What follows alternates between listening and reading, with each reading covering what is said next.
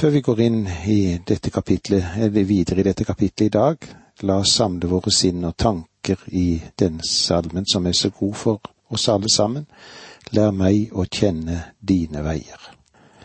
Lær meg å kjenne dine veier og gå dem trøstig skritt for skritt. Jeg vet at hva jeg fikk i eie er borget gods, og alt er ditt. Men vil din sterke hånd meg lede, jeg aldri feil på målet ser. Og for hvert håp som dør her nede, for jeg et håp i himmelen mer. Herre Jesus, må du hjelpe oss slik at vi lærer dine veier og går dine veier, og at du vil lede oss med din sterke hånd. Vi ber om at du velsigner stunda for oss i ditt gode og hellige navn. Amen. Vi leser igjen ifra kapittel seks i Hebreerbrevet fra vers fire. Når noen en gang har fått lyset, har smakt den himmelske gave og fått del i Den hellige ånd, har smakt Guds gode ord og den kommende verdens krefter, og så faller fra, da er det umulig å fornye dem så de gjenvender om.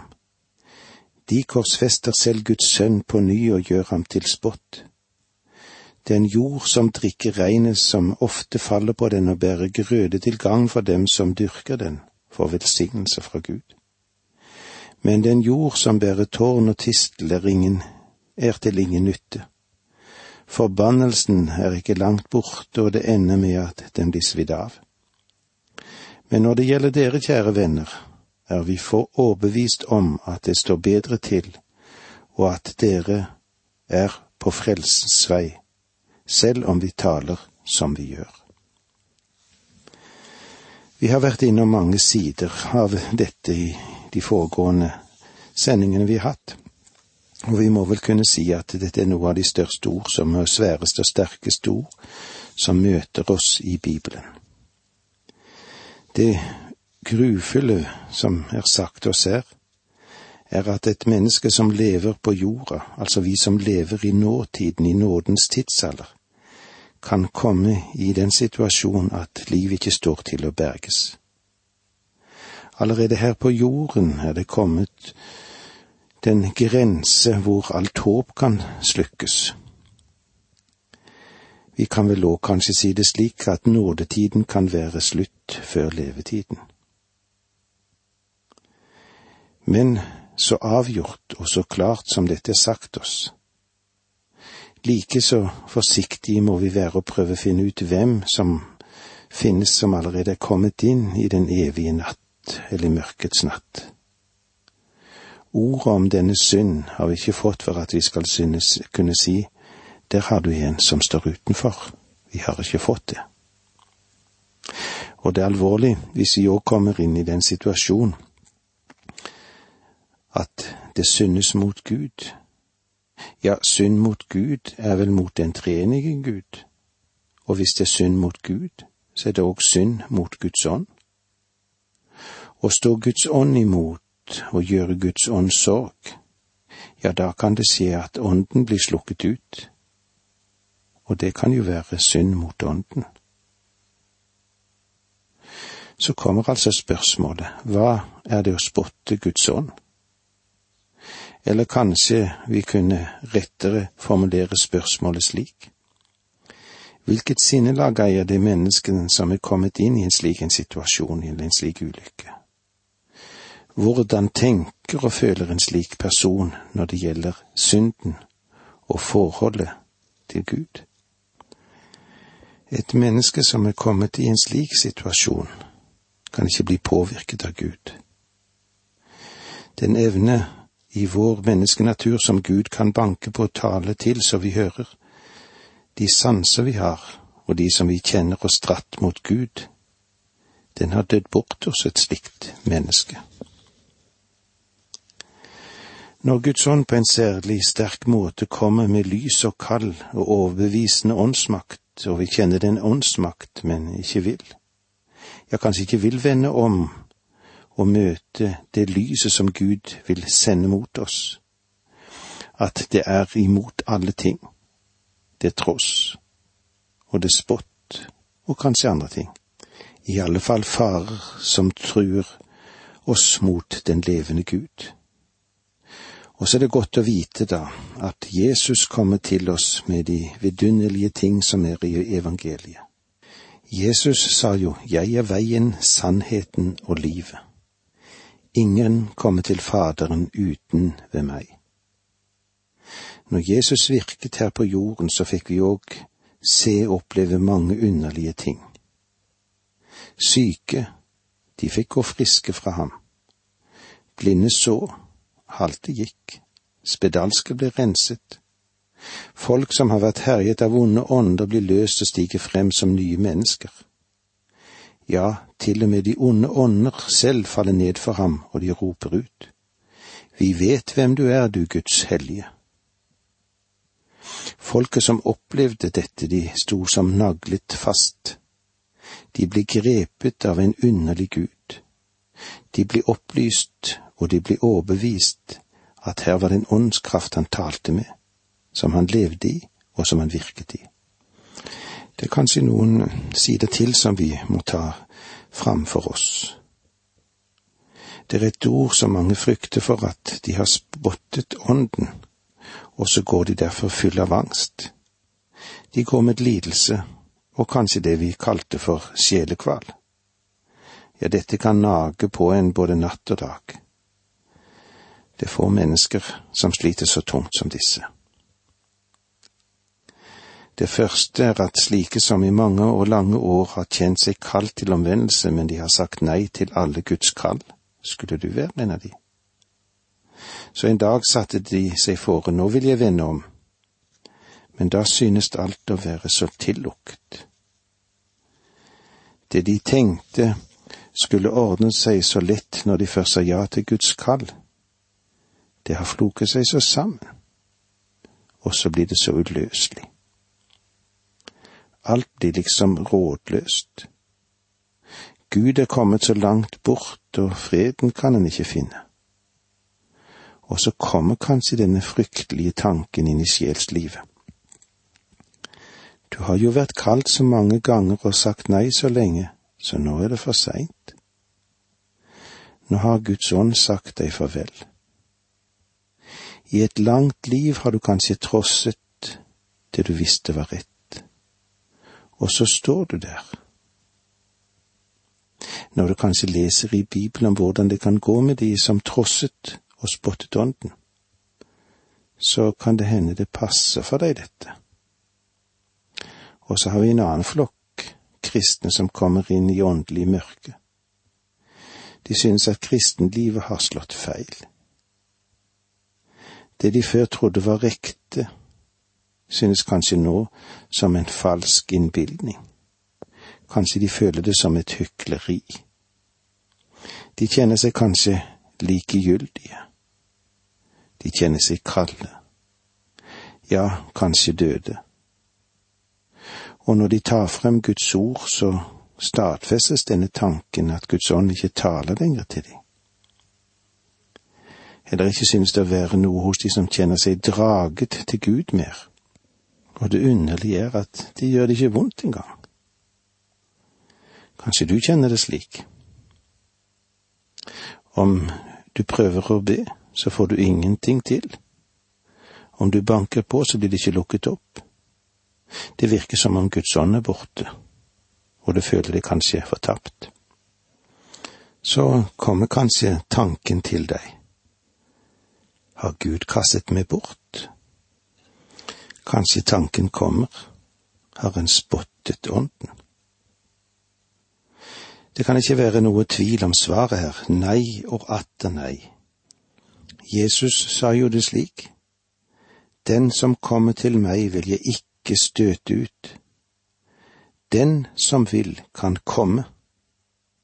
Og disse kom de blir ikke bare sendt ut til de som aldri kom, de blir også sendt ut til de som kom og gikk bort og kom tilbake igjen. Kom tilbake, dere som er falt ifra. Jeg vil lege deres frafall, jeg vil elske dem av hjertet, for min vrede har vendt seg fra dem. La oss òg huske på at det var ikke Gud som gikk bort, heller ikke Guds ånd og i alle fall ikke Jesu frelsekjærlighet til oss mennesker. Den var ikke sloknet. Gud er den han var. Jesus er den samme i dag som han alltid har vært, og Guds ånd er iblant oss. Den som vil finne han, kan finne ham på samme måte som han fant han første gang. Den som kommer, vil jeg ikke støte bort, sa Jesus, og det finnes ikke noe bedre budskap å bringe til deg i dag. Den som kommer, den som kommer vil jeg ikke støte bort. Og med disse ordene sier vi takk for nå, må Gud være med deg. Dette undervisningsprogrammet består av to deler. Åge Nevland fortsetter nå med andre del av dagens undervisning. Vi er i Hebreerbrevet i det sjette kapitlet, og eh, vi har gått innom og vært innom mange sider som det er viktig for oss å ta litt tid til, tenke igjennom, dvele litt ved, og ikke minst be over. Vi går nå videre inn i vers ni og ti. Men når det gjelder dere, kjære venner, er vi overbevist om at det står bedre til, og at dere er på frelsens vei, selv om vi taler som vi gjør. For Gud er ikke urettferdig så han glemmer det dere har gjort, og den kjærlighet dere har vist Hans navn ved å gi hjelp til de kristne, nå som før. Det er grunnen et litt merkelig ord, dette her. Det bærer i seg mye visdom. Her er det noe som vi òg kan lære, og her er det trøst å finne. Men i tillegg til disse tingene så er det òg et stort ansvar. Det hadde noe å si til jødekristne, og du kan være sikker på at det har noe å si oss som lever òg i dag. Det som berget disse jødekristne som vi har for oss i, i hebreerbrevet, fra det verste var dette at de elsket Jesu navn, eller om vi kan si det på denne måten, at de elsket Jesus. På tross av alle disse tingene som reiv og sleit i dem, så ville de iallfall ha det slik at de ble dratt fra Jesus så holdt denne kjærligheten de fra å la seg bli dratt bort ifra Jesus. De hadde lært så mye av han, de hadde fått så mye av ham, og de kunne ikke la være å elske Jesus. Og så var de berget. Det ikke noe annet kunne holde de sammen, ikke noen andre maktet. Det makter kjærligheten. Det er vanskelig å gå bort fra en en elsker. Kjærligheten er ikke bare det største i verden, men også det sterkeste. Det kan du se òg blant ektefeller som virkelig har et kjærlighetsforhold til hverandre. De kan aldri tenke på å gå bort ifra hverandre. Det er det sterkeste. Men så er spørsmålet hvordan kunne han som skrev hebreerbrevet til oss, vite at det han skrev, og eh, de som tok imot det, at de elsket Jesu navn. Og hvordan er det med oss, med deg og meg? Hvordan kan vi vite om vi elsker Jesus? Det er et stort spørsmål, dette. For noe av det høyeste og sterkeste i livet, det ligger i å elske Jesus. Og i hans kjærlighet der ligger det en kraft. Den skal bære vårt liv, og den skal berge vårt liv. Kanskje vi også kan si at i alle fall er noen tider det godt for oss å vite at vi elsker Jesus. Men så er spørsmålet hvem kan gi oss det vitnesbyrdet? Hvordan kan vi vite at vi elsker ham? Ja, salige er dere når de for min skyld håner og forfølger dere, lyver på dere og snakker vondt om dere på alle vis.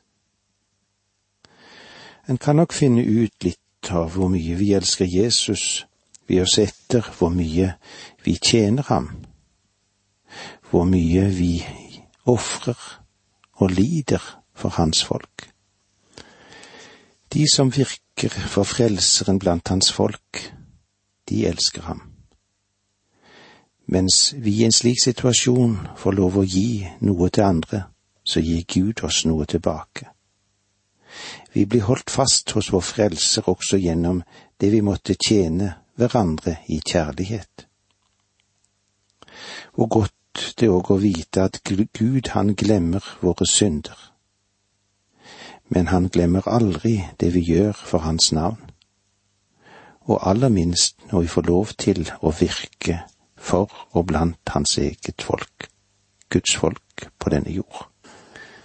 Ser vi på kristendom, hva er det for noen ting? Jo, kristendommen er kjærlighet, slik som Gud er kjærlighet. Som alle fager i sollyset til slutt samles i et eneste levende, varmende lys, så samler de store og gode egenskaper i gudslivet seg dette store, å elske. Den som elsker, er født av Gud. Ser vi litt inn i Johannesevangeliet, det femtende kapitlet, så taler Jesus om at han er vintreet. Han er altså det ekte vintreet. Og så er det spørsmålet om grenene, da. Vi skal bære frukt. I Johannes 15, 7, 8 så står det, Hvis dere blir i meg og mine ord blir i dere, da be om hva dere vil og dere skal få det. Når dere bærer mye frykt, blir min far forherliget. Det han ønsker er at vi skal fungere på en god måte, være med og bære mye frykt. Men når det finnes en gren som ikke bærer frukt, hva gjør han da? I vers seks i det samme kapitlet, Johannes 15.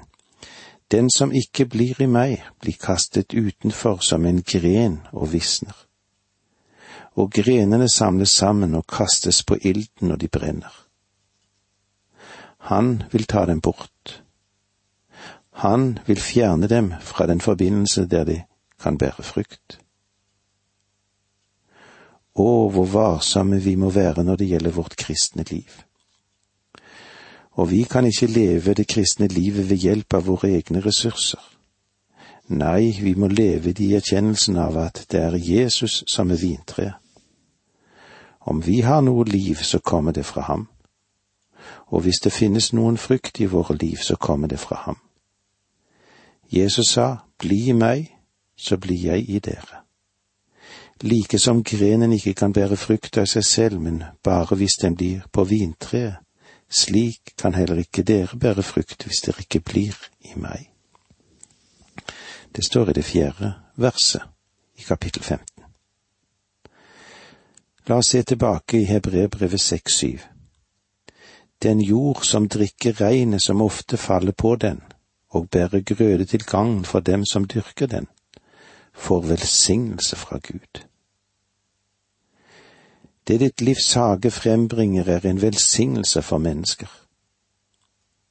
Hebrebrevet 6,8 Men den jord som bærer tårn og tistler, er til ingen nytte. Forbannelsen er ikke langt borte, og det ender med at den blir svidd av. Ingen nytte. Adokimos, det samme ord som Paulus brukte da han skrev til de troende i Korint.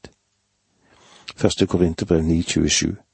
Jeg kjemper mot meg selv og tvinger kroppen til å lystre, for at ikke jeg som har forkynt for andre selv skal bli forkastet.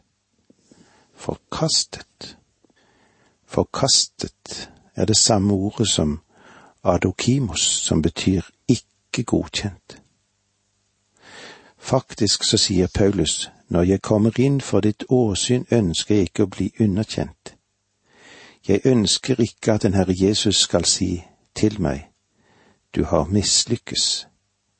Ditt liv skulle ha vært et vitnesbyrd, men det var det ikke. Det kommer vi til å måtte høre om vi ikke lever for ham. Jeg vet at vi ikke ønsker å høre slike ting, men, men det som er sikkert er at vi må være realistiske, og vi må se dette klart og nøkternt. Legg merke til nøkkelen til dette kapitlet, som det står i vers ni. Men når det gjelder dere, kjære venner, er vi overbevist om at det står bedre til, og at dere er på frelsens vei, selv om vi taler som vi gjør. Forfatteren til hebreerbrevet sier til de troende jøder, Jeg er overbevist om at dere skal leve for Gud, dere kommer ikke til å forbli spedbarn i Kristus, men vil vokse og utvikles. Vers 10 For Gud er ikke urettferdig, så han glemmer det dere har gjort, og den kjærlighet dere har vist hans navn ved å gi hjelp til de kristne, nå som før. Det dere har gjort og den kjærlighet dere har vist, det vil ikke frelse. Men om du er frelst, så er det det han lønner deg for. Og det er her de gode gjerninger kommer inn. Selv om de ikke har noen ting å gjøre med din frelse, så er det en viktig del av de troendes liv. Vers 11 Vi ønsker bare at hver og en av dere må bli like ivrig etter å bevare håpets fulle visshet helt til slutt. Vi trenger denne håpets fulle visshet helt til slutt. Da må dere ikke være sløve, men ha dem til forbilde som på grunn av tro og utholdenhet får del i løftene, står det i vers tolv. Gud har gitt en rad løfter om vi er trofaste mot ham. Vers 13 som vi avslutter med i dag. Da Gud ga Abraham løftet, sverget han ved seg selv. Han hadde jo ingen større å sverge ved. Takk for nå, må Gud være med deg.